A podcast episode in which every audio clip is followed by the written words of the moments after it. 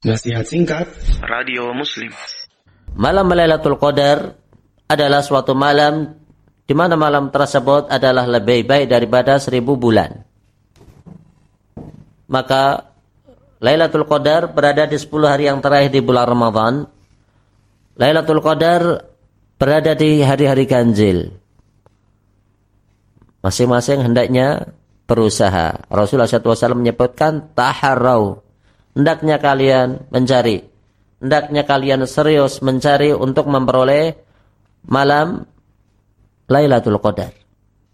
Tentunya jika kita memiliki uang 10 ribu, kita dermakan di malam tersebut, maka suatu nikmat dan karunia. Jika kita punya uang 5 ribu dan kita sedekahkan di jalan Allah, maka suatu kemuliaan tersendiri. Sekiranya punya uang 2000, tidak punya uang kecuali 2000. Dia dermakan 2000 tersebut di visabilillah.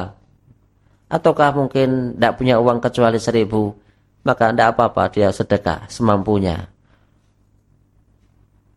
Maka jika dia bersedekah 1000 rupiah, kemudian dia menjumpai malam tersebut adalah malam Lailatul Qadar, maka suatu nikmat yang besar, karunia yang sangat agung, bisa dikalikan 83 tahun lebih 4 bulan. Sehari seribu, setahun padahal ada 365 hari, coba dikalikan 10 tahun, Masya Allah, dikalikan selama 80 tahun maka akan kita dapatkan sekalipun seribu maka akan jatuhlah bilangan yang jumlahnya sangat banyak.